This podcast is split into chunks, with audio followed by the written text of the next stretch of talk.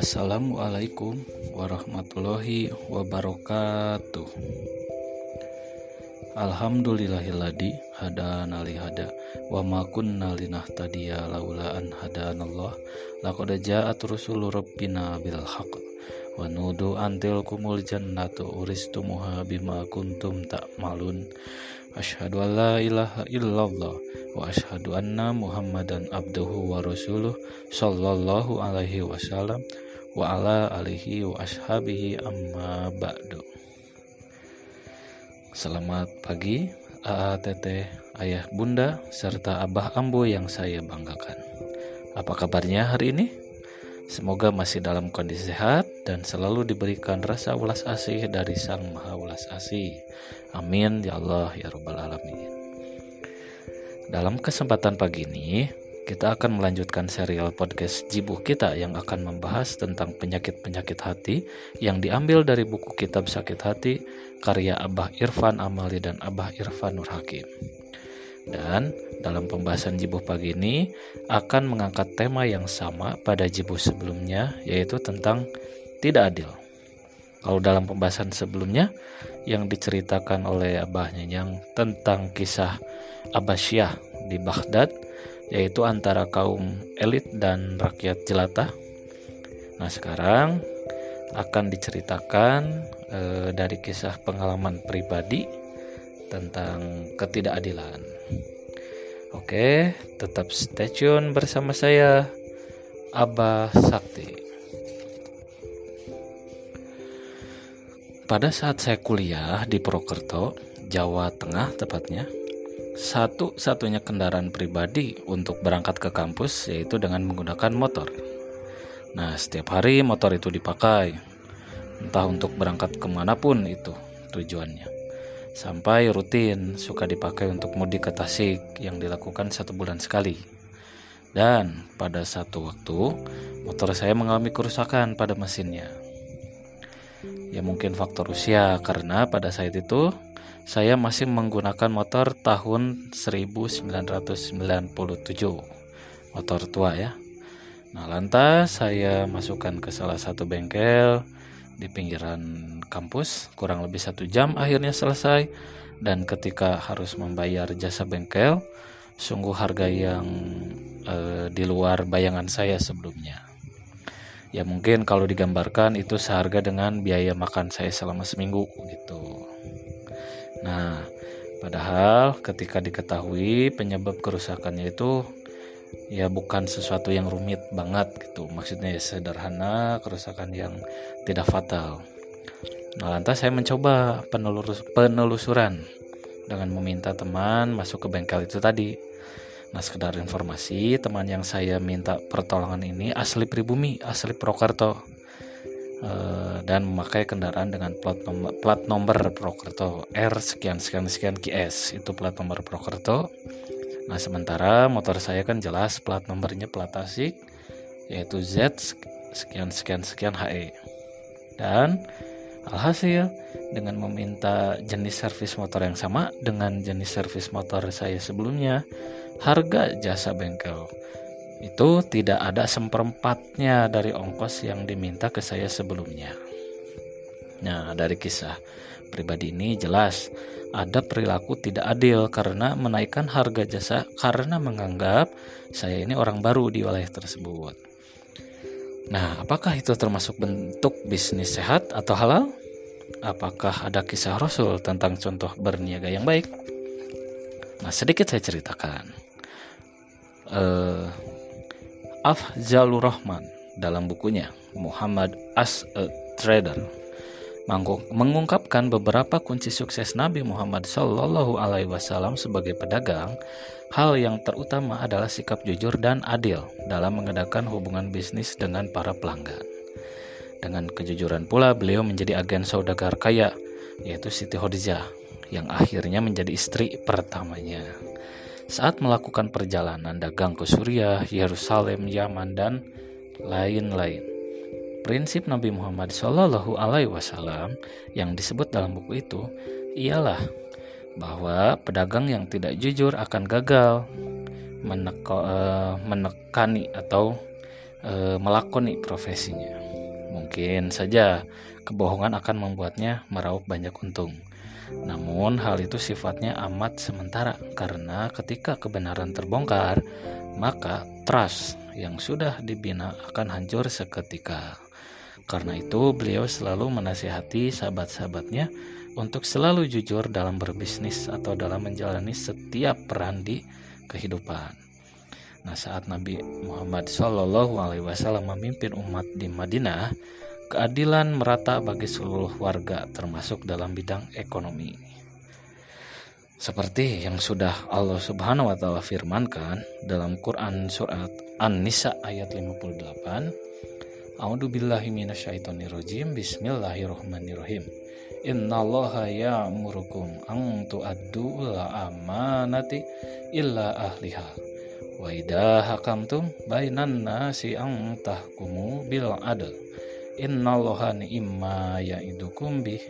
Innallaha kana sami'man basir. Yang artinya, sungguh Allah menyuruhmu menyampaikan amanat kepada yang berhak menerimanya. Dan apabila kamu menetapkan hukum di antara manusia, hendaknya kamu menetapkannya dengan adil Sungguh Allah sebaik-baiknya yang memberi pengajaran kepadamu. Sungguh Allah maha mendengar lagi maha melihat. Apakah kamu tahu? Ada tujuh tanda yang menandakan kamu sudah tidak adil. Terutama tidak adil pada diri sendiri. Yang pertama, selalu menyalahkan diri sendiri. Yang kedua, malas merawat diri sendiri. Yang ketiga, berada di lingkungan yang tidak kondusif untukmu. Yang keempat, menjalin hubungan dengan orang yang tidak atau yang selalu menyakitimu. Yang kelima, terus melakukan sesuatu yang tidak kamu sukai. Yang keenam, mudah menyesali segala hal. Dan terakhir, memprioritaskan kebahagiaan orang lain. Nah, untuk tips and trick supaya kamu bisa berperilaku adil yaitu yang pertama bertakwa kepada Allah Subhanahu wa taala. Kedua, tawadu atau rendah hati. Yang ketiga, memotivasi diri sendiri dengan meraih apa yang Allah janjikan pada orang yang adil. Keempat, dan memohon pertolongan kepada Allah Subhanahu wa taala agar dihindarkan dari sifat atau perbuatan zolim. Ingat terus dan sebisa mungkin praktikan tips and trick supaya kamu terhindar dari sikap tidak adil. Karena dengan berperilaku adil akan ada balasan dari Allah Subhanahu wa taala berupa pahala yang besar dan barokah. Amin. Oke, okay? trust me, it's work. Sekian dari saya. Mohon maaf apabila ada salah-salah kata dan semoga ada kebermaknaan. Terima kasih. Wassalamualaikum warahmatullahi wabarakatuh.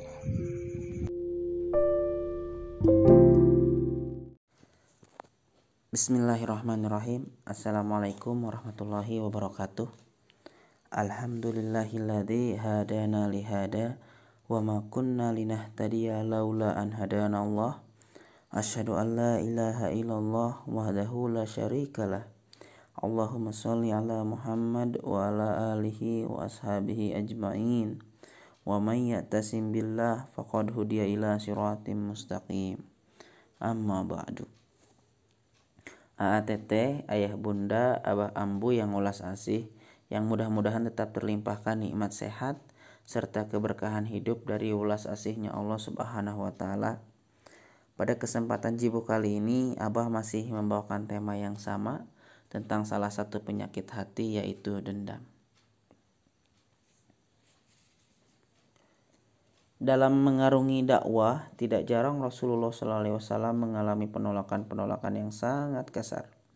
Salah satunya adalah peristiwa hijrahnya Rasul ke Taib. Di sana, beliau menemui tiga orang pemuka Taib bernama Abdi Talil, Hubaib, dan Mas'ud untuk mengenalkan tauhid kepada mereka. Namun ketiganya malah membalas dengan cacian, cemoohan, dan penghinaan. Bukan hanya itu, warga Taib, dewasa hingga anak-anak, melempari Rasul dengan batu sampai Rasul pun berlumur darah. Jaid bin Harisah yang bersama Rasul berusaha melindungi Rasul. Hingga akhirnya Rasul dan Jahid bin Harisa memutuskan untuk menghindari mereka. Ketika kembali dari Taib, Rasulullah beristirahat di kebun.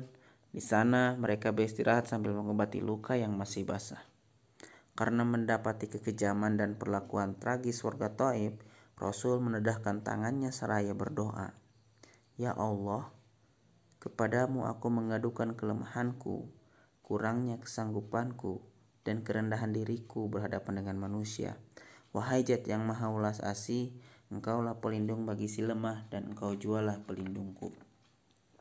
Allah subhanahu wa ta'ala mendengar doa beliau dan mengutus dua malaikat penjaga gunung. Malaikat penjaga gunung pun turun menghadap Rasulullah seraya mengucap salam dan berkata, Wahai Rasulullah, kami siap melaksanakan apa pun perintahmu. Bahkan jika kamu berkehendak, akan kami benturkan kedua gunung yang mengapit kota itu, hingga siapa pun yang bernaung di antaranya akan musnah. Namun bila tidak, hukuman apa pun engkau hmm, yang engkau inginkan akan kami turuti. Dengan perasaan tenang dan sabar, Rasul pun bersabda, "Tidak, aku hanya berharap kepada Allah meskipun saat ini mereka belum terbuka hatinya untuk memeluk Islam. Semoga cucu dan keturunan mereka nantinya adalah golongan yang beribadah kepada Allah." Subhanallah, sungguh mulia sekali akhlak Rasulullah SAW dan apa yang kita ambil dari uh, kisah tersebut, riwayat tersebut adalah sakit hati apa pun, semoga kita tetap mampu untuk mendoakannya. Nah, ATT tidak pernah sedikit pun pada benak beliau untuk memuaskan emosi pribadi dengan melancarkan balas dendam terhadap kaum yang menentang. Rasulullah SAW lebih memilih jalan damai, memaafkan kesalahan orang-orang yang masih dalam kungkungan ketidaktahuan. ATT dendam itu menaruh amarah kepada orang lain atau tidak bisa memaafkan orang lain. Orang yang didendamnya tidak akan merugi, tapi kebalikannya. Yang menendam akan habis waktunya untuk memikirkan orang yang dia dendam. Karena ibaratnya ya, karena dendam itu ibarat kita yang meminum racun namun berharap orang lain yang keracunan. Seperti itu. Allah berfirman dalam surat Al-A'raf ayat 199 khudil afwa wa'mur bil urfi wa'arid anil jahilin. Jadilah engkau pemaaf dan ajaklah orang mengerjakan kebajikan serta berpalinglah dari orang-orang yang bodoh. ATT memaafkan tidak identik dengan ke kehinaan dan ketidakberdayaan tetapi Sifat memaafkan merupakan cerminan kebesaran jiwa dan kekuatan hati serta lapang dada. Karena sifat memaafkan akan menumbuhkan ketenangan, ketentraman, kemuliaan, dan kebebasan jiwa yang tidak akan dijumpai tatkala kita melampiaskan api dendam. Rasulullah SAW bersabda, "Wa ma jarallahu abdan bi apwin illa ija." Dan tidaklah Allah menambahkan seorang hamba dengan kemudahan untuk memaafkan kecuali Allah akan memberinya kemuliaan. Nah, ini apa ada e, gejala-gejala bahwa kita tuh terjangkit penyakit dendam ya.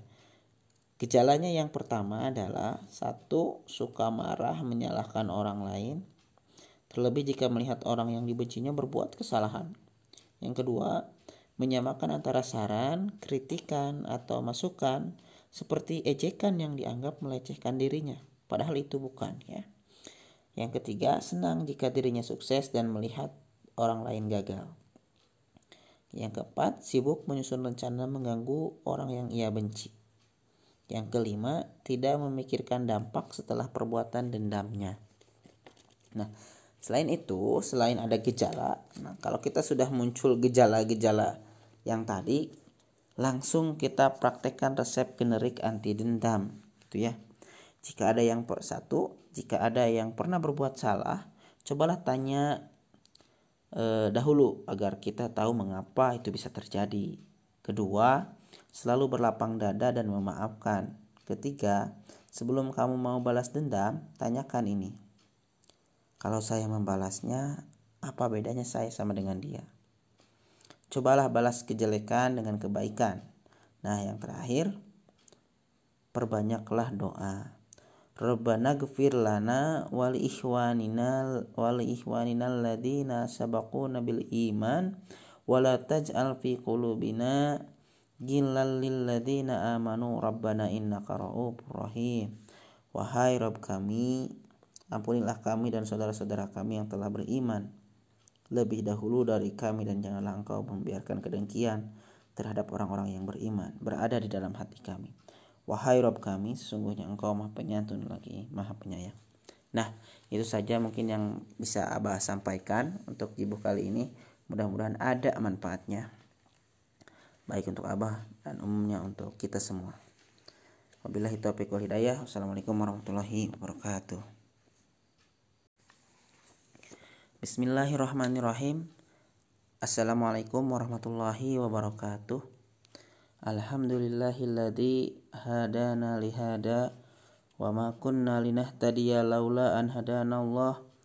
Asyhadu an la ilaha illallah wahdahu la syarikalah. Allahumma sholli ala Muhammad wa ala alihi wa ashabihi ajma'in. Wa may ya'tasim billah faqad hudiya ila siratim mustaqim. Amma ba'du. Teteh, ayah bunda, abah ambu yang ulas asih, yang mudah-mudahan tetap terlimpahkan nikmat sehat serta keberkahan hidup dari ulas asihnya Allah Subhanahu wa taala. Pada kesempatan jibu kali ini, Abah masih membawakan tema yang sama tentang salah satu penyakit hati yaitu dendam. Dalam mengarungi dakwah, tidak jarang Rasulullah SAW mengalami penolakan-penolakan yang sangat kasar. Salah satunya adalah peristiwa hijrahnya Rasul ke Taif. Di sana beliau menemui tiga orang pemuka Taif bernama Abdi Talil, Hubaib, dan Mas'ud untuk mengenalkan tauhid kepada mereka. Namun ketiganya malah membalas dengan cacian, cemoohan, dan penghinaan. Bukan hanya itu, warga Taif hingga anak-anak melempari Rasul dengan batu sampai Rasul berlumur darah. Jaid bin Harisa yang bersama Rasul berusaha melindungi beliau hingga akhirnya mereka memutuskan untuk menghindari warga Taif. Ketika kembali dari Taif, Rasulullah beristirahat di kebun. Di sana mereka beristirahat sambil mengobati luka yang masih basah. Karena mendapati kekejaman dan perlakuan tragis warga Taif, Rasul meledakkan tangannya seraya berdoa. Ya Allah, kepadamu aku mengadukan kelemahanku, kurangnya kesanggupanku, dan kerendahan diriku berhadapan dengan manusia. Wahai Jat yang maha ulas asih, engkaulah pelindung bagi si lemah dan engkau jualah pelindungku. Allah subhanahu wa ta'ala mendengar doa beliau. Lalu mengutus dua malaikat penjaga gunung.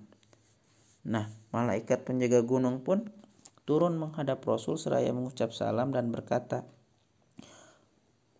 Wahai Rasul, kami siap e, melaksanakan apa pun perintahmu.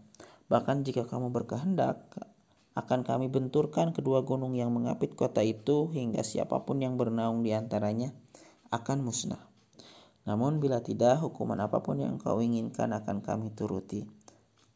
Tetapi dengan perasaan tenang dan sabar, Rasul pun bersabda, "Tidak, Aku hanya berharap kepada Allah meskipun saat ini mereka belum terbuka hatinya untuk memeluk Islam. Semoga cucu dan keturunan mereka nantinya adalah golongan yang beribadah kepada Allah. Subhanallah sangat mulia sekali uh, akhlak Rasulullah Shallallahu Alaihi Wasallam. Tidak pernah sedikit pun pada benak beliau untuk memuaskan emosi pribadi dengan melancarkan balas dendam terhadap kaum yang menentang. Rasulullah SAW lebih memilih jalan damai, memaafkan kesalahan orang-orang yang masih dalam kungkungan ketidaktahuan. AATT, dendam itu menaruh amarah kepada orang lain atau tidak bisa memaafkan orang lain. Orang yang didendamnya tidak akan merugi, tetapi kebalikannya yang mendendam akan habis waktunya untuk memikirkan orang yang dia dendam. Karena dendam itu ibarat kita yang meminum racun namun berharap orang lain yang keracunan. Seperti itu. Allah berfirman dalam surat Al-A'raf ayat 199 eh, yang bunyinya khudil afwa wa'mur bil urfi wa'arid anil jahilin. Jadilah engkau pemaaf dan ajaklah orang mengerjakan kebajikan serta berpalinglah dari orang-orang yang bodoh. Nah, teteh, memaafkan tidak identik dengan kehinaan dan ketidakberdayaan. Tetapi sifat memaafkan merupakan cerminan kebesaran jiwa kita dan kekuatan hati kita, serta rasa lapang dada. Karena sifat memaafkan akan menumbuhkan ketenangan, ketentraman, kemuliaan, dan kebesaran jiwa yang tidak akan dijumpai tatkala melampiaskan api dendam. Rasulullah SAW bersabda, "Wa ma jadallahu abdan bi'afwin illa ija." Dan tidaklah Allah menambah seseorang hamba dengan kemudahan untuk memaafkan kecuali Allah akan memberinya kemuliaan. Nah, berikut ada gejala-gejala penyakit e, dendam yang pertama suka marah dan menyalahkan orang lain terlebih jika ia melihat orang yang dibencinya berbuat kesalahan. Kedua, menyamakan antara saran, kritikan atau masukan seperti ejekan yang dianggap melecehkan dirinya. Ketiga, senang jika dirinya sukses dan melihat orang lain gagal. Keempat, sibuk menyusun rencana mengganggu orang yang ia benci. Kelima, tidak memikirkan dampak setelah perbuatan dendamnya. Tetapi setelah kita nampak gejala penyakit hati yaitu dendam, kita punya resep uh, apa punya resep generik anti dendam yang diambil dari kitab sakit hati. Yang pertama, jika ada yang pernah berbuat salah, cobalah tanya dahulu agar kita tahu mengapa itu bisa terjadi. Nah, yang kedua, selalu berlapang dada dan memaafkan. Yang ketiga, sebelum kamu mau balas dendam, tanyakan, kalau saya membalasnya, apa bedanya saya dengan dia? Yang keempat, cobalah balas kejelekan dengan kebaikan. Nah, yang kelima, perbanyak doa. Robbana gfir lana wal ikhwanina alladzina sabaquna bil iman wala taj'al fi qulubina illal lilladzina amanu. Rabbana innaka ra'ufur rahim. Wahai Rabb kami, ampunilah kami dan saudara-saudara kami yang telah beriman lebih dahulu dari kami, dan janganlah engkau membiarkan kedengkian terhadap orang-orang yang beriman dalam hati kami. Wahai Rabb kami, sesungguhnya engkau maha penyantun lagi maha penyayang.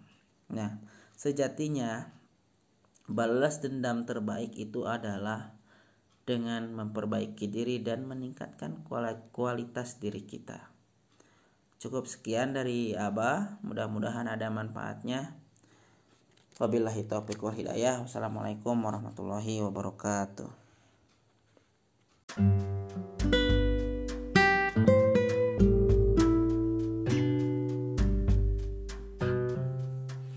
Bismillahirrahmanirrahim. Assalamualaikum warahmatullahi wabarakatuh. Alhamdulillahilladzi hadana lihada wa ma kunna linahtadiya laula an hadana Allah.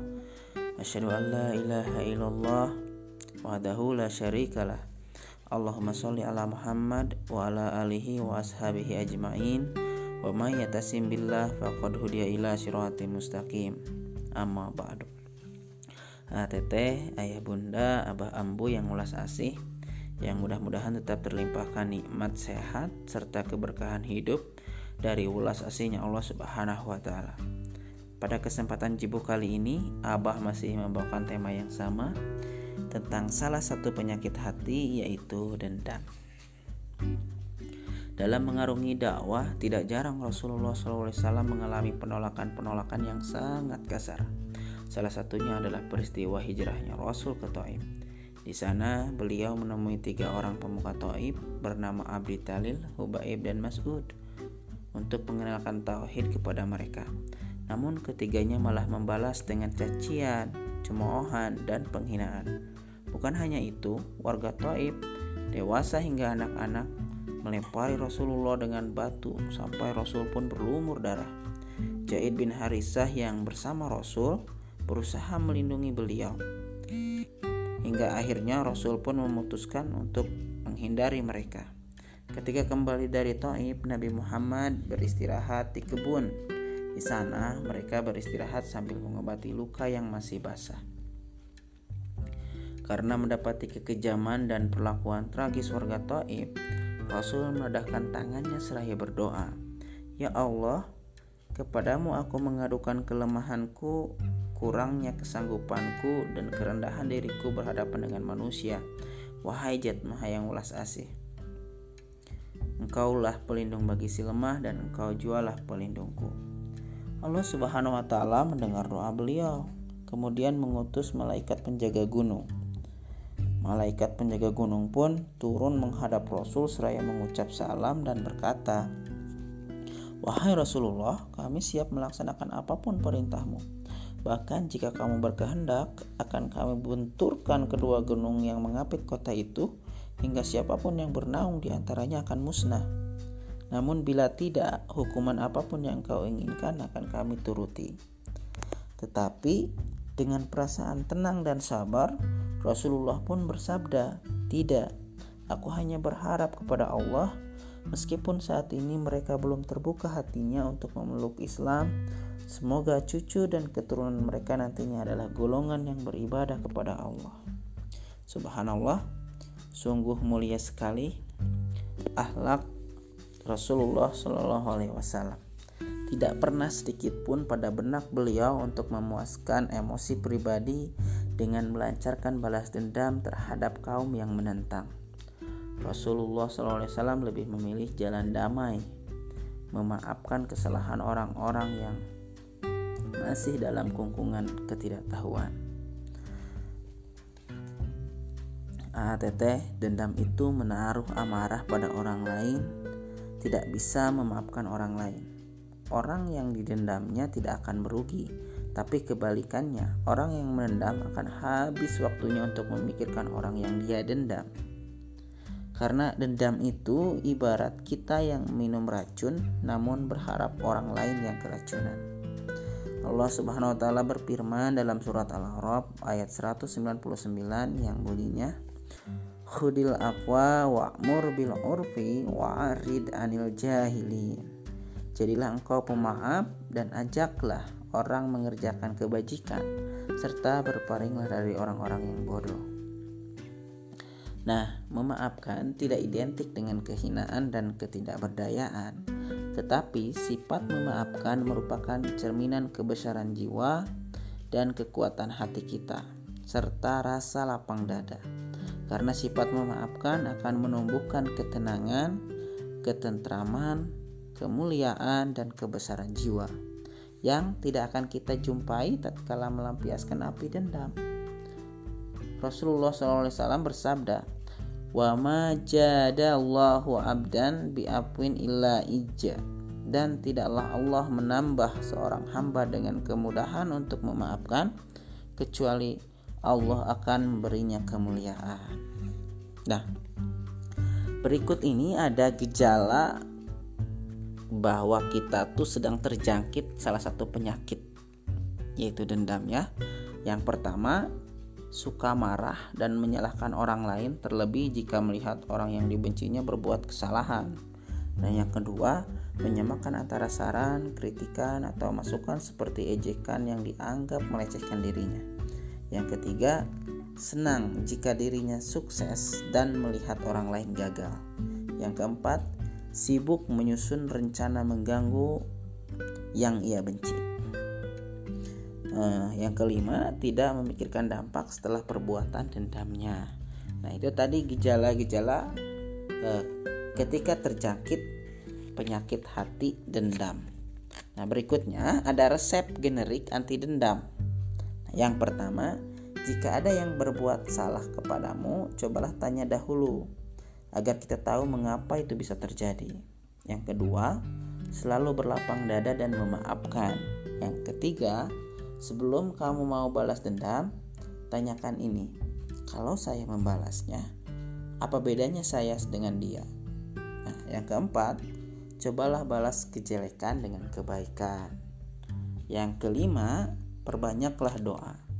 Robbana gfir lana wal ikhwanina ladina sabaquna bil iman wala taj'al fi qulubina gillal lil ladina amanu rabbana innaka ra'ufur rahim Wahai Rob kami, ampunilah kami dan saudara-saudara kami yang telah beriman lebih dahulu dari kami dan janganlah engkau membiarkan kedengkian terhadap orang-orang yang beriman berada dalam hati kami.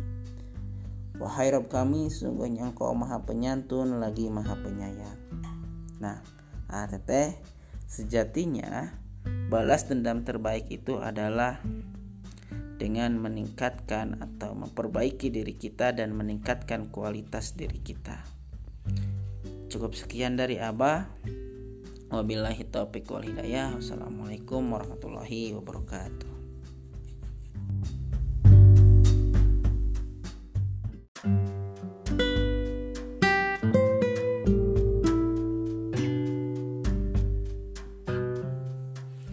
Bismillahirrahmanirrahim.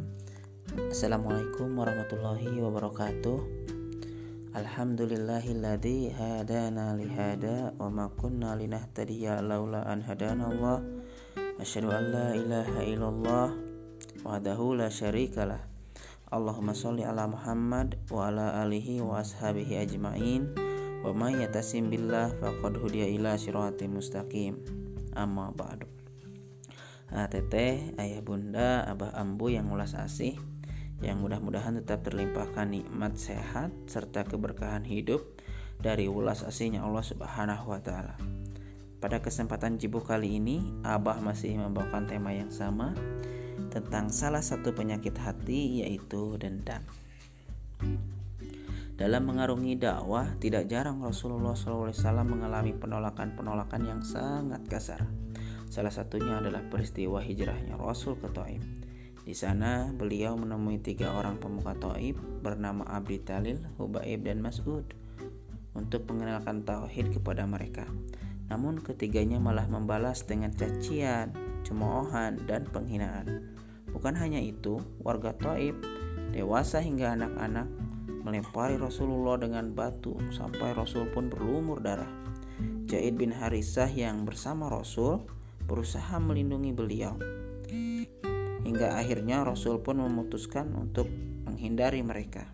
Ketika kembali dari Taif, Nabi Muhammad beristirahat di kebun.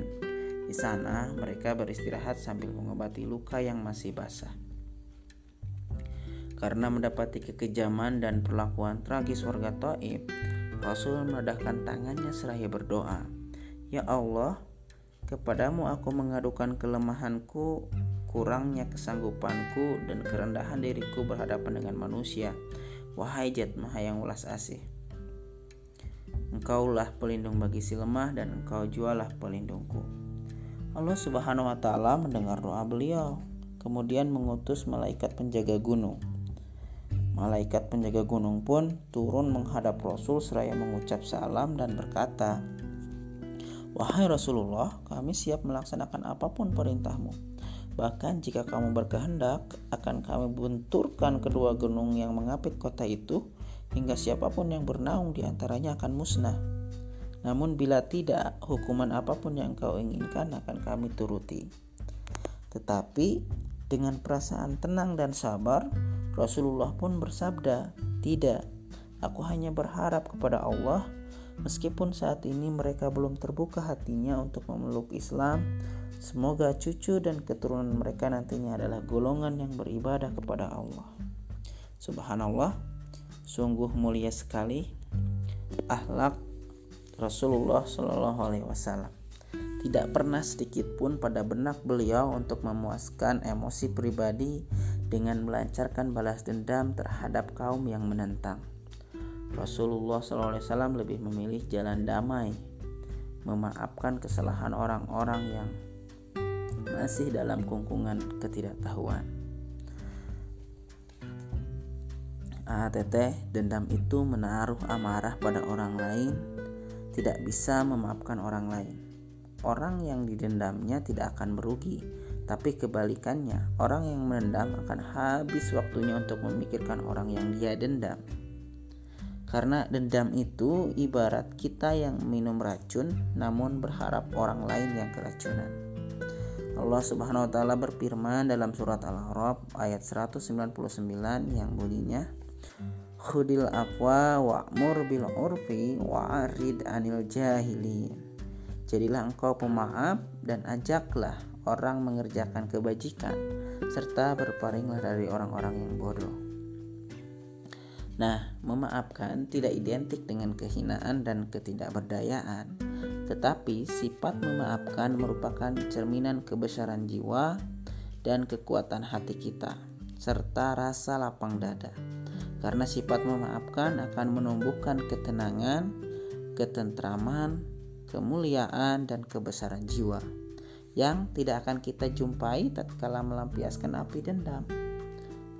Rasulullah SAW bersabda, "Wa ma jadallahu abdan bi apwin illa ija."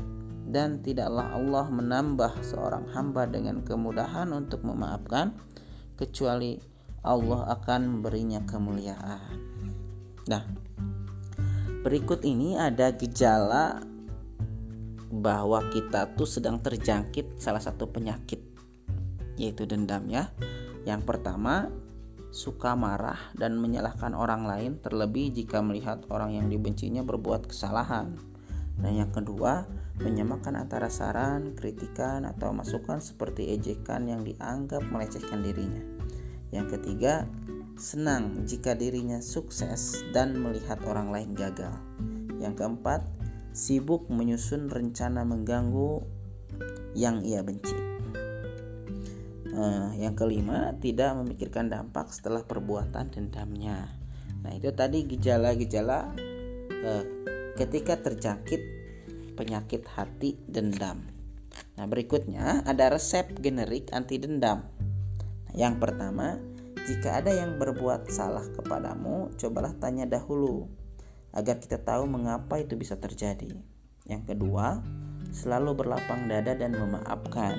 Yang ketiga, sebelum kamu mau balas dendam, tanyakan ini. Kalau saya membalasnya, apa bedanya saya dengan dia? Nah, yang keempat, cobalah balas kejelekan dengan kebaikan. Yang kelima, perbanyaklah doa. Robbana gfir lana wal ikhwanina ladina sabaquna bil iman wala taj'al fi qulubina gillal lil ladina amanu rabbana innaka ra'ufur rahim Wahai Rob kami, ampunilah kami dan saudara-saudara kami yang telah beriman lebih dahulu dari kami dan janganlah engkau membiarkan kedengkian terhadap orang-orang yang beriman berada dalam hati kami.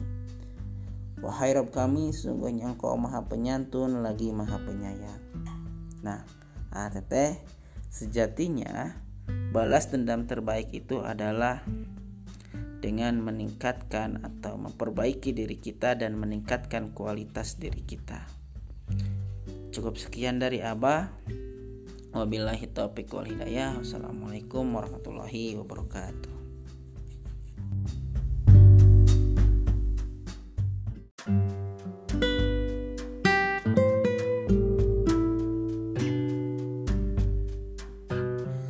Bismillahirrahmanirrahim. Assalamualaikum warahmatullahi wabarakatuh. Alhamdulillahilladzi hadana lihada wa ma kunna linahtadiya laula an hadana Allah. Asyhadu an la ilaha illallah wahdahu la syarikalah. Allahumma sholli ala Muhammad wa ala alihi wa ashabihi ajmain wa may yatasim billah faqad hudiya ila siratim mustaqim. Amma ba'd. Ah, teteh, ayah bunda, abah ambu yang ulas asih yang mudah-mudahan tetap terlimpahkan nikmat sehat serta keberkahan hidup dari ulas asingnya Allah Subhanahu wa taala. Pada kesempatan jibu kali ini, Abah masih membawakan tema yang sama tentang salah satu penyakit hati, yaitu dendam. Dalam mengarungi dakwah, tidak jarang Rasulullah SAW mengalami penolakan-penolakan yang sangat kasar. Salah satunya adalah peristiwa hijrahnya Rasul ke Taib. Di sana beliau menemui tiga orang pemuka Taif bernama Abdi Talil, Hubaib, dan Mas'ud. untuk mengenalkan tauhid kepada mereka. Namun ketiganya malah membalas dengan cacian, cemoohan, dan penghinaan. Bahkan bukan hanya itu, warga Taif, dewasa hingga anak-anak melempari Rasulullah dengan batu sampai Rasul pun berlumur darah. Zaid bin Harisah yang bersama Rasulullah pada saat itu berusaha melindungi Rasul hingga akhirnya Rasulullah dan Zaid bin Harisah memutuskan untuk menghindari mereka. Ketika kembali dari Taif, Nabi Muhammad beristirahat di kebun. Di sana mereka beristirahat sambil mengobati luka yang masih basah.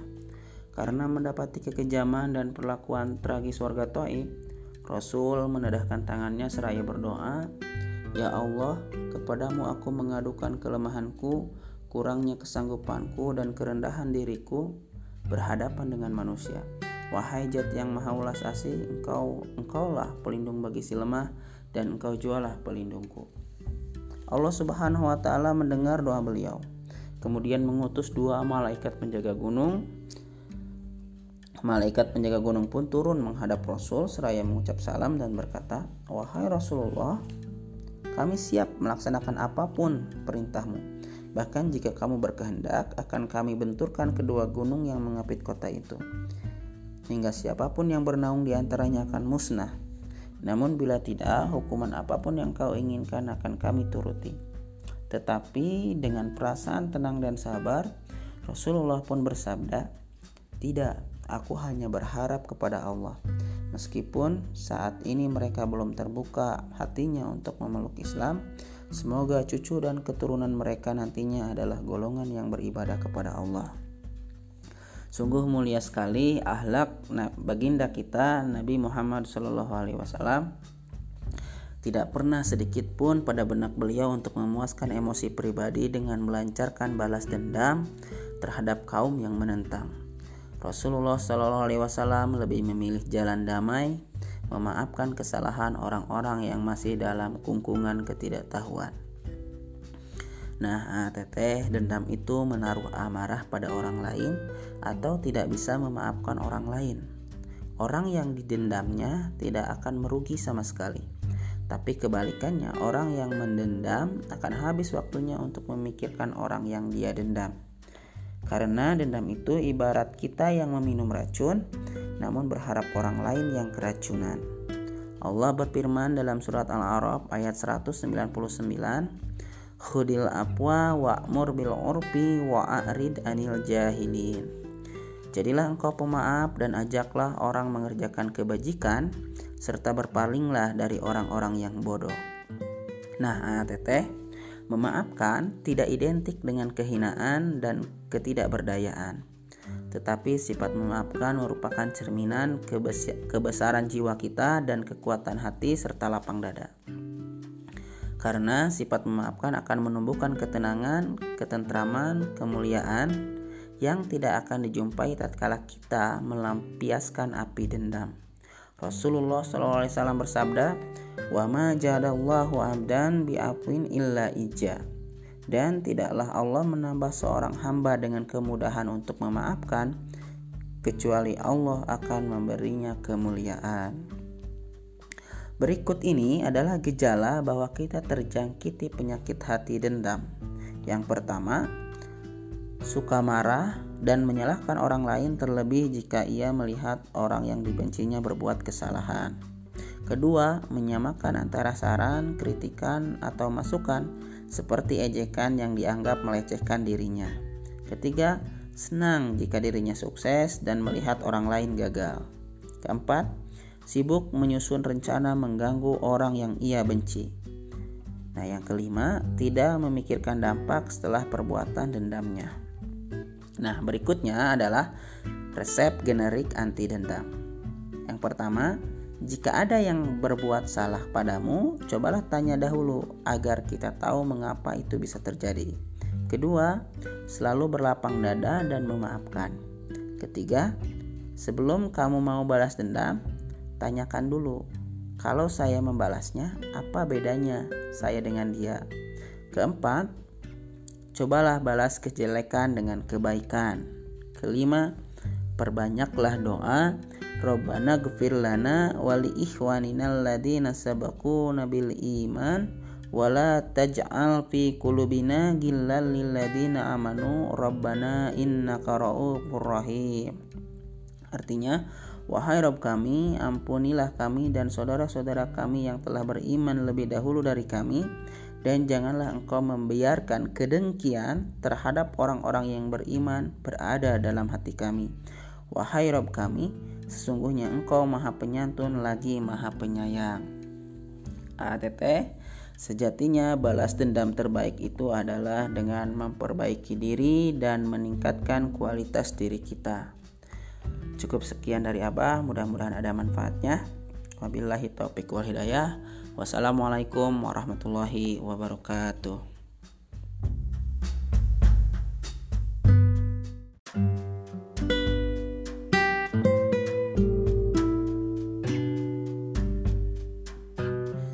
Bismillahirrahmanirrahim Assalamualaikum warahmatullahi wabarakatuh Alhamdulillahilladzi hadana lihada wa ma kunna linahtadiya laula an Allah. Asyhadu an la ilaha illallah wahdahu la syarikalah. Allahumma sholli ala Muhammad wa ala alihi wa ashabihi ajmain wa may yatasim billah faqad hudiya ila siratim mustaqim. Amma ba'd. Ah, teteh, ayah bunda, abah ambu yang ulas asih, yang mudah-mudahan tetap terlimpahkan nikmat sehat, serta keberkahan hidup dari ulas asihnya Allah Subhanahu wa taala. Pada kesempatan jibu kali ini, Abah masih membawakan tema yang sama tentang salah satu penyakit hati, yaitu dendam. Dalam mengarungi dakwah, tidak jarang Rasulullah SAW mengalami penolakan-penolakan yang sangat kasar. Salah satunya adalah peristiwa hijrahnya Rasul ke Taib. Di sana beliau menemui tiga orang pemuka Taif bernama Abdi Talil, Hubaib, dan Mas'ud untuk mengenalkan tauhid kepada mereka. Namun ketiganya malah membalas dengan cacian, cemoohan, dan penghinaan. Bahkan bukan hanya itu, warga Taif, dewasa hingga anak-anak, melempari Rasulullah dengan batu sampai Rasul pun berlumur darah. Zaid bin Harisah yang bersama Rasulullah pada saat itu berusaha melindungi Rasul Hingga akhirnya Rasulullah dan Zaid bin Harithah memutuskan untuk menghindari mereka. Ketika kembali dari Taib, Nabi Muhammad beristirahat di kebun. Di sana mereka beristirahat sambil mengobati luka yang masih basah. Karena mendapati kekejaman dan perlakuan tragis warga Taib, Rasul menedahkan tangannya seraya berdoa, Ya Allah, kepadamu aku mengadukan kelemahanku, kurangnya kesanggupanku dan kerendahan diriku berhadapan dengan manusia. Wahai Jat yang maha ulas asih, engkau engkaulah pelindung bagi si lemah dan engkau jualah pelindungku. Allah Subhanahu wa taala mendengar doa beliau. Kemudian mengutus dua malaikat penjaga gunung. Malaikat penjaga gunung pun turun menghadap Rasul seraya mengucap salam dan berkata, "Wahai Rasulullah, kami siap melaksanakan apa pun perintahmu. Bahkan jika kamu berkehendak, akan kami benturkan kedua gunung yang mengapit kota itu." hingga siapa pun yang bernaung di antaranya akan musnah. Namun bila tidak, hukuman apa pun yang kau inginkan akan kami turuti. Tetapi dengan perasaan tenang dan sabar, Rasulullah pun bersabda, "Tidak, aku hanya berharap kepada Allah."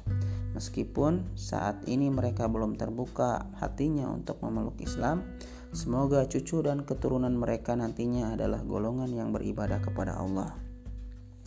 Sungguh mulia sekali ahlak baginda kita Nabi Muhammad Wasallam.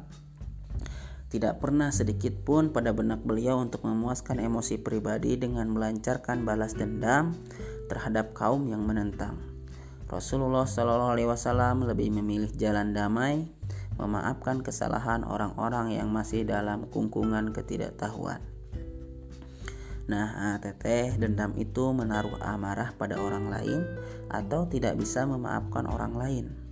Orang yang didendamnya tidak akan merugi sama sekali. Tapi kebalikannya, orang yang mendendam akan habis waktunya untuk memikirkan orang yang dia dendam. Karena dendam itu ibarat kita yang meminum racun, namun berharap orang lain yang keracunan. Allah berfirman dalam surat Al-A'raf ayat 199, khudil apwa wa'mur bil urfi wa'arid anil jahilin Jadilah engkau pemaaf dan ajaklah orang mengerjakan kebajikan serta berpalinglah dari orang-orang yang bodoh. Nah, teteh, memaafkan tidak identik dengan kehinaan dan ketidakberdayaan. Tetapi sifat memaafkan merupakan cerminan kebesaran jiwa kita dan kekuatan hati serta lapang dada. Karena sifat memaafkan akan menumbuhkan ketenangan, ketentraman, kemuliaan, yang tidak akan dijumpai tatkala kita melampiaskan api dendam. Rasulullah SAW bersabda, "Wa ma jadallahu abdan bi'afwin illa ija." Dan tidaklah Allah menambah seorang hamba dengan kemudahan untuk memaafkan kecuali Allah akan memberinya kemuliaan. Berikut ini adalah gejala bahwa kita terjangkiti penyakit hati dendam. Yang pertama, suka marah dan menyalahkan orang lain terlebih jika ia melihat orang yang dibencinya berbuat kesalahan. Kedua, menyamakan antara saran, kritikan, atau masukan seperti ejekan yang dianggap melecehkan dirinya. Ketiga, senang jika dirinya sukses dan melihat orang lain gagal. Keempat, sibuk menyusun rencana mengganggu orang yang ia benci. Nah, yang kelima, tidak memikirkan dampak setelah perbuatan dendamnya. Nah, berikutnya adalah resep generik anti dendam. Yang pertama, jika ada yang berbuat salah padamu, cobalah tanya dahulu agar kita tahu mengapa itu bisa terjadi. Kedua, selalu berlapang dada dan memaafkan. Ketiga, sebelum kamu mau balas dendam, tanyakan dulu, kalau saya membalasnya, apa bedanya saya dengan dia? Keempat, Cobalah balas kejelekan dengan kebaikan. Kelima, perbanyaklah doa Robbana gfir lana wali ikhwanina alladhina sabaquna bil iman wala taj'al fi qulubina ghillal lil ladzina amanu rabbana innaka ra'ufur rahim. Artinya, wahai Rob kami, ampunilah kami dan saudara-saudara kami yang telah beriman lebih dahulu dari kami dan janganlah engkau membiarkan kedengkian terhadap orang-orang yang beriman berada dalam hati kami. Wahai Rob kami, sesungguhnya engkau maha penyantun lagi maha penyayang. ATT, sejatinya balas dendam terbaik itu adalah dengan memperbaiki diri dan meningkatkan kualitas diri kita. Cukup sekian dari Abah, mudah-mudahan ada manfaatnya. Wabillahi taufiq wal hidayah. Wassalamualaikum warahmatullahi wabarakatuh.